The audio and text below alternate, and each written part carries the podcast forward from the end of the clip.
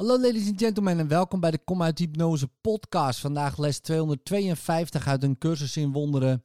De Zoon van God is mijn identiteit. Mijn zelf is heilig, verheven boven alle gedachten aan heiligheid die ik me nu indenken kan. Zijn schitterende volmaakte zuiverheid is veel stralender dan elk licht dat ik ooit heb gezien.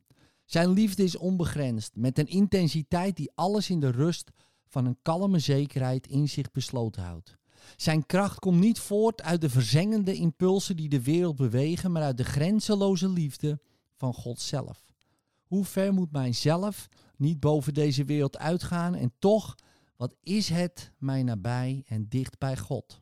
Vader, u kent mijn ware identiteit. Openbaar die nu aan mij, uw zoon, opdat ik zal ontwaken tot de waarheid in u en weten dat ik de hemel heb hervonden. In liefde, tot morgen.